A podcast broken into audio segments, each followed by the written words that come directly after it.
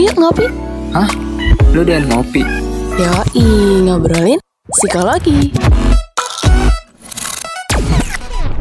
It all start with your mind. Time to get calm. Selamat datang kembali di podcast Ngopi. Ngopi Ngobrolin Ngobrolin Psikologi. Sebuah podcast dari Calm yang membahas isu-isu seputar kesehatan mental. Podcast kali ini akan dibawakan oleh gue, Dini, dan Vicky. Ye, duo DV.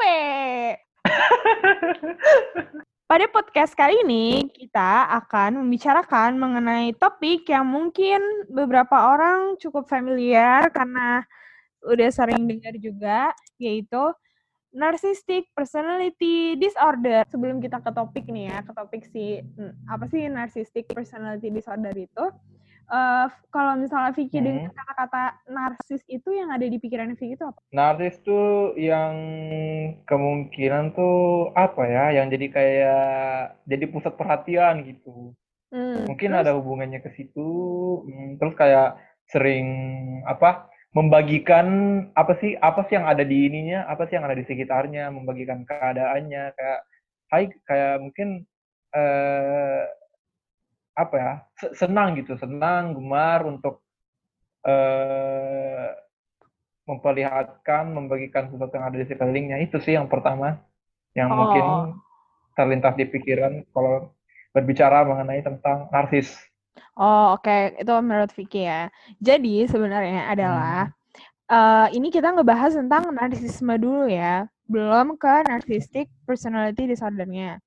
Jadi narsisme itu adalah eh, kecenderungan untuk sangat mencintai diri sendiri dan memerlukan kekaguman dari orang-orang di sekitarnya sehingga hal tersebut membuat orang-orang orang tersebut jadi sangat self-centered. Sebenarnya ada mirip ya sama yang tadi Vicky omongin ya. Ya, maksudnya udah nangkep lah gitu ya. Hmm. Terus kalau narcissistic personality disorder itu apa, Fik? Nah, jadi itu narcissistic personality disorder atau NPD adalah gangguan kepribadian yang merasa dirinya sangat penting. Nah, kalau orang yang mengidap gangguan ini biasanya memiliki perilaku arogan, memiliki empati yang rendah terhadap orang lain, dan membutuhkan mendapatkan pujian dari orang-orang di sekitarnya. Selain itu, hal-hal yang disebutkan tadi juga munculnya tuh konsisten, nggak tiba-tiba hilang, nggak tiba-tiba muncul juga Benar, benar. Nah, orang-orang yang punya gangguan ini biasanya dideskripsikan sebagai orang yang arogan, self-centered, manipulatif, juga banyak wow. Jadi ya kurang kurang lebih tuh eh, mengedepankan dirinya sebelum orang lain gitu. Jadi kayak kadang eh, mungkin suatu halnya itu dianggap tidak nyaman oleh beberapa orang, tapi karena orang yang mengidap narcissistic personality disorder ini memiliki eh, eh, perilaku yang seperti arogan, butuh empati, butuh pengakuan dari orang lain, memiliki empati yang rendah. Jadi ya dirinya tuh berada di atas di orang lain gitu. Benar. Jadi kayak apa sih namanya? Jadi kayak eh, dia tuh apa sih namanya? Sangat-sangat ini ya, Fik kayak apa sih namanya? Kayak berasa dia yang paling keren gitu kali ya. Hmm, jadi pusat Ma- perhatian gitu. Hmm, iya benar-benar benar. Nah, kali ini eh, di episode kali ini em, mungkin kita bakal ngebahas narcissistic personality disorder ini eh, ke ini kali ya ke perilaku-perilaku dalam kehidupan sehari-hari. Misalnya kayak di lingkungan kantor, bahkan mungkin hubungan dengan pasangan juga bisa. Nah, sebelum kita Hmm. membahas ke ke bagian situ, kita harus tahu dulu nih ciri narcissistic personality disorder itu. Nah, kali ini ciri-ciri dari NPD ini menurut DSM-5 ada kira-kira 9. Tapi Oh, lumayan. iya, 9 Fik. Tapi eh h- apa ya bisa dikatakan sebagai narsis apa dia mengidap narcissistic personality disorder itu adalah kalau misalnya dia itu memenuhi 5 dari 9 ciri-ciri tersebut gitu. Hmm. Yang pertama itu yaitu perasaan mementingkan diri sendiri yang berlebihan. Jadi tadi yang kayak Vicky bilang tadi dia tuh benar-benar eh, apa kayak wah mementingkan dirinya dia sendiri kayak gitu. atau uh, pokoknya orang lain gak penting diri gue yang paling penting di apa namanya hmm. di dunia ini kayak gitu kali ya Iya. Yeah. Nah, mungkin tapi ya uh, boleh juga mementingkan diri, cuman uh, kalau misalnya tempat umum kan atau misalnya memakai suatu barang bersama, mm ya uh, harus mementingkan orang lain juga. Benar sih, benar sih. Nah, terus ciri yang kedua itu adalah memiliki fantasi mengenai kesuksesan, kekuasaan, kekuatan. Pokoknya orang tersebut tuh mengharapkan pengakuan dari seseorang bahwa dirinya itu adalah orang yang superior. Jadi tuh apa ya, kayak itu tadi dia kayak berasa dia superior. Nah, yang ketiga itu uh, mempercayai bahwa hanya dirinya adalah pihak uh, superior dan hanya dimengerti oleh orang-orang yang superior juga. Jadi hmm. uh, jadi orang orang apa namanya orang-orang yang nggak superior dalam kata biasa aja nggak ngerti dirinya kayak gitu. Hmm. Jadi semacam ini ya, semacam kalau misalnya mereka itu yang mengidap narcissistic personality disorder kayak maunya cuman kayak nongkrong bareng orang-orang yang misalnya apa sih kayak uh, apa sih yang hit sekarang nih? Hmm, Instagram apa sih kok? Influencer misalnya oh, influencer. enggak sih enggak nah, sih se, sebe, no, se apa? Enggak juga. Uh, bukan sih nongkrongnya bareng influencer aja gitu. Uh, ya pokoknya dia tuh kayak merasa dia karena dia merasa dirinya dia superior jadi tuh dia merasa kayak orang yang ngerti in situasi dia, orang yang ngertiin kondisi dia itu cuma orang-orang yang superior aja gitu, orang-orang yang biasa aja dalam tanda kutip tuh kayak gak bakal ngerti dia gitu. Jadi dalam kata lain orang lain tersebut oh, adalah iya, iya, iya. iya uh, jadi uh, dalam kata lain orang lain tersebut adalah orang yang memiliki kedudukan sama tinggi juga spesial gitu. Jadi kayak orang-orang biasa nggak bisa gitu. Terus selanjutnya ada apa lagi nih, Vic, untuk ciri-ciri narcissistic personality disorder itu? Nah, itu ada kebutuhan akan kekaguman yang berlebihan. Nah, terus pengennya kayak dipuji mulu, kayak mungkin tiap nge-share apa-apa gitu kayak, wah aku sangat kagum sekali kepada kamu. Aku bisa kepada diriku sendiri. Ya, kepada ya kayak kalau misalnya apa uh, dia membagikan sesuatu itu mesti ada yang komen kali ya mesti ada yang bisa sih bisa sih. chat gitu wah ini di mana kakak? Wah ini apa kakak? Nah itu kan salah satu ciri narcissistic personality disorder. Betul. Nah selanjutnya. Dia itu merasa berhak akan segala sesuatu. Itu kayak hmm. uh, dia tuh butuh special treatment gitu kayak dianggap dianggap sesuatu yang lebih tuh kayak uh, misalnya masuk di mana ya tempat-tempat hits gitu, tempat yang Instagramable kayak kamu nggak tahu saya gitu, kamu nggak tahu saya, saya kan ini gini gini gini gini, padahal ya sebenarnya biasa aja, tapi karena mengidap narcissistic personality disorder, jadi kebutuhan akan sesuatunya ini lebih hmm. daripada hmm. orang biasa. Betul. Terus ada apa lagi nih, Vic? Nah, selanjutnya ini dia itu akan mengambil keuntungan dari orang lain untuk mendapatkan sesuatu yang dia inginkan. I, mm-hmm. Ya, terkesan agak ini ya, agak jahat mungkin. Betul banget. Karena mengambil sesuatu yang apa ya, yang tidak seharusnya dia miliki daripada orang lain hanya demi keuntungannya, keuntungan dirinya sendiri. Tapi eh, karena namanya ini menurut DSM adalah mm-hmm. disorder. Disorder mm-hmm. apa sih kelainan ya? Iya gangguan hmm, kelainan. Kelainan ya gangguan kelainan narcissistic personality disorder ini. Jadi ya inilah salah satu cirinya gitu. Betul. Nah, terus uh, selanjutnya yang ketujuh itu adalah memiliki empati yang kurang. Seperti yang disebutkan tadi di atas ya, uh, empatinya kurang, bah, uh, makanya orang tersebut bisa jadi arogan, bisa jadi manipulatif juga ya, Fik ya. Terus bisa jadi uh, apa namanya self-centered juga karena ya empati dia ke orang lain kurang gitu. Hmm. Terus yang kedelapan yaitu cemburu dan iri terhadap orang lain. Sekaligus mempercayai bahwa orang lain cemburu terhadap dirinya.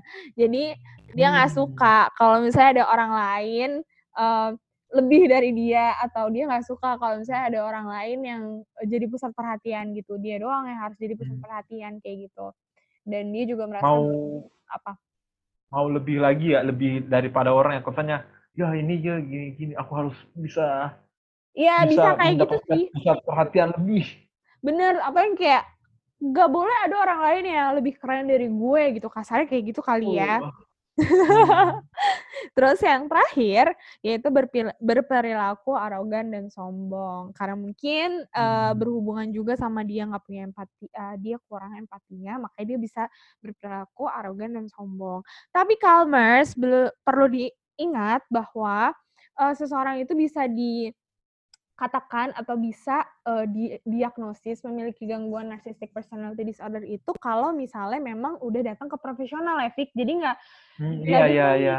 meskipun kita udah kasihin ciri-ciri di SM, kita tetap gak boleh eh, ini ya apa sih namanya Eh, self diagnose ya. Eh, diagnosis, iya kita nggak bisa Iya, langsung diagnosis, memutuskan sendiri kalau misalnya orang ini, oh kayaknya nih ngidap benar, NPD. benar, benar. Dan kita juga nggak boleh langsung berhubung melabeli seseorang yang narsis, belum tentu dia emang NPD, NPD kayak gitu. Yang Hmm. narsis, yang tadi kita disebutin si narsisme ini gitu. Hmm. Nah, Itu cuman apa? dari keput apa keputusannya itu hanya dari profesional dan Bener mungkin kita aja yang banget. belum ini belum apa belum lumayan deket jadi mungkin kita anggapnya ini kayak aduh nak kena NPD nih padahal eh ini cuman bercandaan aja atau Betul, emang perilaku betul. aslinya seperti ini sama teman-temannya Betul. Perlu diingat juga tadi di awal udah ngomong kalau misalnya ciri-cirinya ini bener-bener eh, apa namanya keluarnya tuh konstan ya Fik ya, nggak cuman kayak di waktu-waktu tertentu aja. Jadi bener-bener kayak iya iya keluarnya tiap saat gitu. Gitu. Mem- memang ini rada rancu sih sebenarnya ya. Ciri-cirinya tuh nggak spesifik banget sih emang. Cuman mungkin secara nggak langsung sebenarnya kita bisa loh ketemu sama orang NPD gitu. iya kan nggak ada yang tahu Bener, Hmm. bener, bener. Eh, dan ini bisa juga ditemuin kalau misalnya kalian lagi ada eh, di in relationship gitu ya. Hmm. Misalnya eh, ini ada salah satu artikel, eh, mereka tuh ngebahas tentang NPD kalau misalnya gue punya pasangan atau pacar yang narcissistic personality disorder tuh kira-kira orangnya kayak gimana sih gitu. Apakah benar sesuai sama eh, Hmm. ciri-ciri apa sih namanya? ciri-ciri yang tadi disebutin di DSM-5 itu. Nah, jadi em, itu ada kira nih kalau misalnya kalian mungkin em, ketemu sama atau mungkin pacaran sama orang yang NPD itu kayak gimana? Misalnya yang pertama itu dia tuh em, suka banget membangun conversation atau pembicaraan dan eh, pembicaraannya itu didominasi sama omongan tentang bagaimana semenakjubkannya dia. Kayak gue tuh keren banget loh. Ya, ah jadi kayak dia tuh bener-bener selama conversation ah.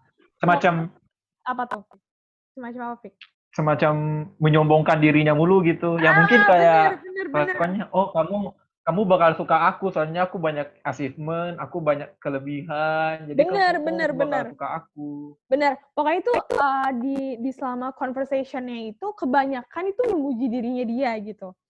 Bukan as in Hmm. memuji dalam hal yang baik ya. Maksudnya kan mungkin adalah beberapa kali orang-orang Hmm. tuh uh, apa namanya uh, me- apa namanya meninggi bukan meninggikan sih kayak apa sih kayak branding dalam tanda kutip dirinya dia gitu kalau mengagungkan Iya, mengagungkan eh, dirinya gitu. Misalnya kayak eh, iya jadi gue kerja di sini sini sini tapi ini tuh udah benar-benar udah lebih parah dari itu nggak sih, Fik? Hmm. Terus ada apa lagi nih? Ini contohnya di artikel ini ada they lack empathy sama kayak tadi empatinya kurang. Terus ada apa nih, Fik? biasanya nih orang yang mengidap narcissistic personality disorder ini Hmm? eh, karena dia narsis jadi kayak kurang ada temen dekatnya itu. Temen dekat yang mereka nongkrongnya tuh dalam jangka panjang gitu. Mungkin kayak sahabat. Dia dia dia nggak punya banyak sahabat atau teman-teman yang eh, jangka panjang gitu.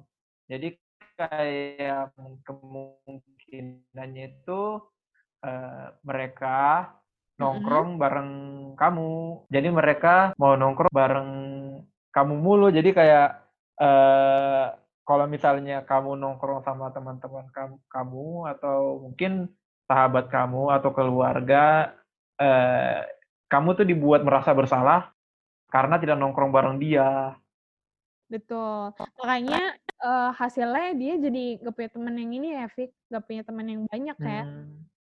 Iya, soalnya kayak mungkin uh, term atau bahasanya orang sekarang itu kelingi gitu, kelingi. Iya, kelingi, kelingi. Nah, terus ada lagi nih yang benar-benar mungkin uh, mungkin akan dibahas di episode yang lain. Uh, mereka ini suka hmm. nge-gaslight uh, pasangannya. Kayak gitu ya, Fik. Nge-gaslight itu hmm. apa ya? Memanipulasi gitu. Suka banget manipulasi, suka iya. abuse uh, pasangannya juga. Jadi kita merasa kayak kita Jadi tuh kayak apa? Bersalah. Bener, bener, bener, bener, bener.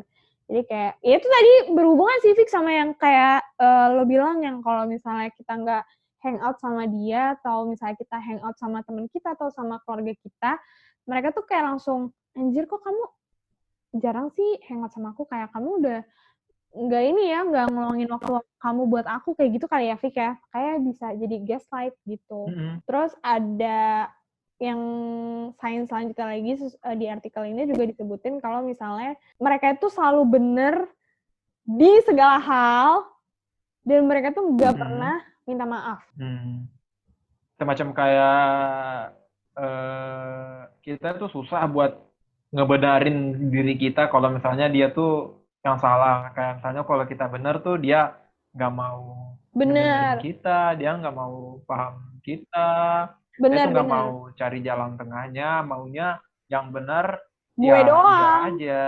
Jadi kayak uh -uh, jadi kayak uh, misalnya kita lagi ada janjian nih mau ketemuan tapi dia nggak dia datangnya terlambat tapi nggak bilang maaf. Jadi kayak jadi kayak langsung datang aja gitu kayak merasa nggak bersalah. Betul betul betul Nah, terus selanjutnya, Fik, ada apa nih? Selanjutnya ini, kalau misalnya uh, selama ini kita lagi dalam in relationship, lagi kalau misalnya kita lagi in relationship bareng mereka, uh, kan rasanya nggak enak tuh. Nah, mm -hmm. kita berusaha buat melepas diri, mungkin dengan cara putus. Tapi mereka responnya jadi rada panik gitu.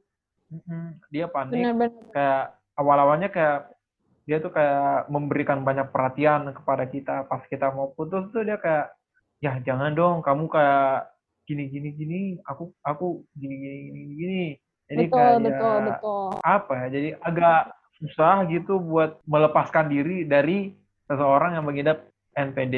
Benar nah, ini. Kalau misalnya tadi udah berusaha, nah kalau misalnya tadi kita udah berusaha dan bener-bener nih kita mau putus ya udah kita putus tapi dari dari sisi kita dia nggak setuju. Nah hasilnya itu dia bakalan ngomong jelek ngomong jelek ke belakang kita. Jadi kayak eh kamu kalau sama ini jangan ya si dia gini gini gini gini. Jadi kayak kita merasa digibahin gitu. Benar benar. Padahal sebenarnya enggak. Itu karena dari persepsi dia dan pengalaman dia sebagai NPD yang membangun respon-respon tersebut. Betul. Dan perlu diingat kalau misalnya ini cuman contoh ya guys. Mungkin kalau misalnya uh, pasangan kalian uh, mungkin apa ya memberikan sign-sign kayak gitu tetap aja ini jangan self diagnose tetap harus ke profesional oke okay? nah terus kalau misalnya nih kita udah ketemu nih Fik, sama orang yang hmm. bisa jadi mengalami hmm. gangguan hmm. narsisik ini. Terus gimana cara ngadepinnya? Apakah kita langsung lari gitu aja atau menghindar atau mungkin sebenarnya kita bisa kok ngadepinnya gitu.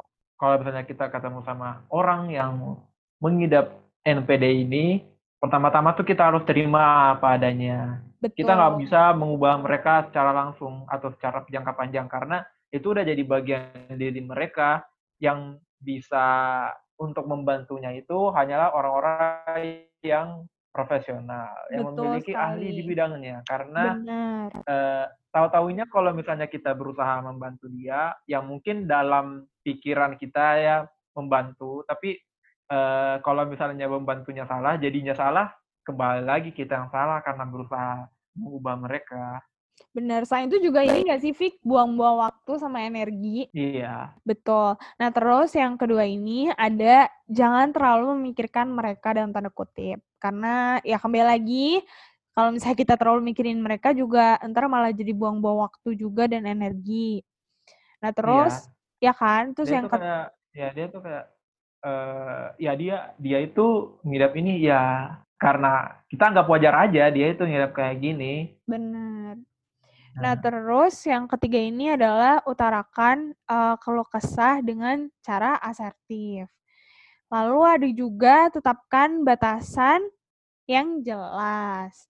Nah, terus ada apa lagi nih, Fik? Nah, kemudian itu kita tegas dengan pendirian kita. Kalau misalnya dia berusaha, kalau misalnya ini balik lagi daripada yang pertama. Kalau Mm-mm. misalnya kita nggak boleh ngubah, ngubah dia, dia juga kita dia juga nggak bisa ngubah kita, kita, dong. bener, bener, bener, Nah, bener. kemudian lanjut lagi nih, eh, mungkin dia itu salah satu dari teman kita. Nah, kita juga tuh bisa memperbanyak teman kita, tapi Jangan ngejauhin Bentar. juga nggak sih, Fik?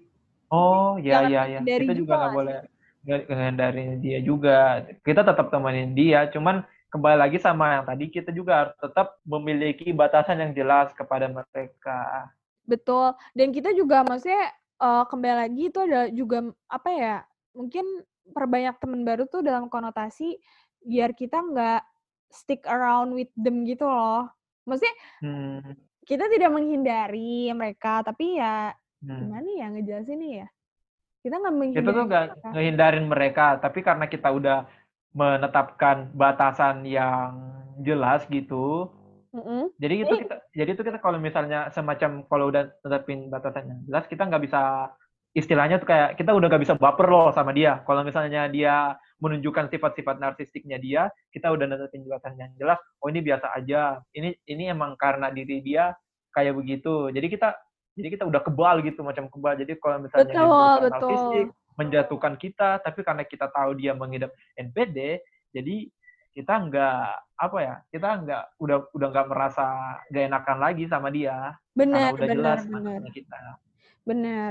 Jadi nggak nggak ada tuh ya, Fik, drama-drama ngehindar-ngehindar ya, Fik ya. Kalau udah tahu Ya, tahu nggak batasan ada. ya. ya kalau udah tahu Nah, terus yang terakhir, yang terakhir banget nih, eh, dan menurut gue ini paling penting, saranin untuk cari bantuan ke ahli kesehatan mental.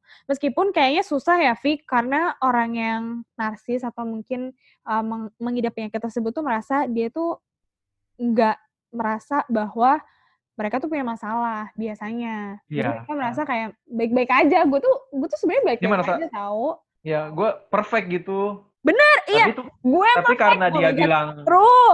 tapi tapi karena dia bilang kayak gitu itu udah nunjukin kalau misalnya Oh mungkin tuh dia iya eh, mungkin ada gitu ada tendensi ke sesuatu. sana benar benar benar benar tapi perlu diingat lagi ya Calmers jangan self diagnosa jangan langsung melabeli orang eh karena yang bisa dan boleh mendiagnosa atau melabeli itu cuman pihak profesional itu pihak profesional siapa aja Fik? nah pihak profesional itu seperti konselor psikolog psikiater, psikiater. benar benar benar.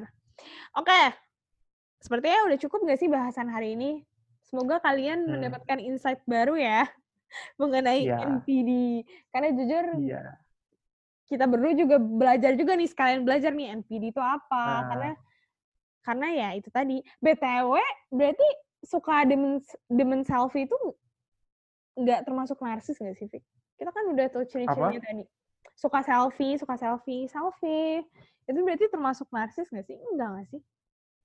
Ya kalau dilihat sih mungkin ada batasannya ya mungkin kalau terlalu Betul. keseringan ya mungkin ada sesuatu kalau misalnya ya kalau misalnya keseringan aja tapi kalau nggak keseringan ya itu karena bukan udah masuk di ciri-cirinya itu udah bukan menunjukkan narsistik jadi ya nggak kena dari narsistik juga Bener banget, Fik. Jadi kalau misalnya eh, mungkin udah terlalu berlebihan, udah nggak dalam batas wajar, itu bisa aja eh, tendensi ke arah situ gitu ya, Fik ya. ya Jadi udah tahu kan Calmers mengenai narcissistic personality disorder itu apa, terus tanda tanyanya tanda tanya itu apa aja sesuai di SM5. Habis itu kita juga tadi udah kasih tauin kayak contoh-contohnya mungkin di kehidupan sehari-hari itu kayak gimana. Uh, juga cara menghadapinya kalau saya bertemu sama orang yang punya nar uh, narcissistic personality disorder ini karena kita gak bakal tahu kalau misalnya nanti kita bakal ketemu jadi makanya itu kita beritahu kepada Calmers Eh, sebuah informasi yang mungkin bermanfaat. Ingat ya guys, jangan self diagnosa dan mulai beli ya guys. Tetap itu harus dipegang teguh oleh kalian semua. Nah, buat kalian yang ingin menggunakan layanan konseling online dari Calm, kamu bisa langsung search aja di um, Google Play Store ataupun App Store, yaitu K-A-L-M, Calm nanti di situ langsung ada log, uh, muncul yang logonya warna putih. Di aplikasi tersebut, kamu akan dihubungkan dengan psikolog profesional dan dapat berkonsultasi langsung melalui handphone kamu. Karena sekarang lagi di rumah aja nih lebih baik, jadi bisa nih yang mau konseling online bisa langsung ke aplikasi Calm. Jangan lupa untuk cek sosial media kita di Instagram at get get.calm, get.kalm untuk melihat konten-konten terkait kesehatan mental. Selain itu, Calm juga ada di Twitter loh, dengan username at get underscore calm, get underscore kalm. Terakhir, jangan lupa juga untuk terus dengerin podcast Calm melalui Spotify, Anchor, maupun Apple Podcast. Buat Betul, kalian yang ya. pengen curhat, tapi nggak tahu ke mana, bisa submit ke bit.ly Flash, kita perlu cerita. Betul sekali. Kembali lagi kita mau ingetin setelah kalian mendengarkan episode gini jangan langsung self diagnose ya guys. Eh dan dan jangan juga labeling orang. Tetap harus dari profesional, oke? Okay? Dan semangat kalian semua. Terima kasih sudah mendengarkan podcast Kopi episode kali ini. Sampai jumpa di episode berikutnya. Bye Kalmers. Bye Kalmers. Ngopi enak ya. Iya dong, namanya juga ngobrolin psikologi. Ketagihan ngopi lagi, makanya pantengin sosial medianya di @get.com biar kamu gak ketinggalan ngopi-ngopi seru lainnya.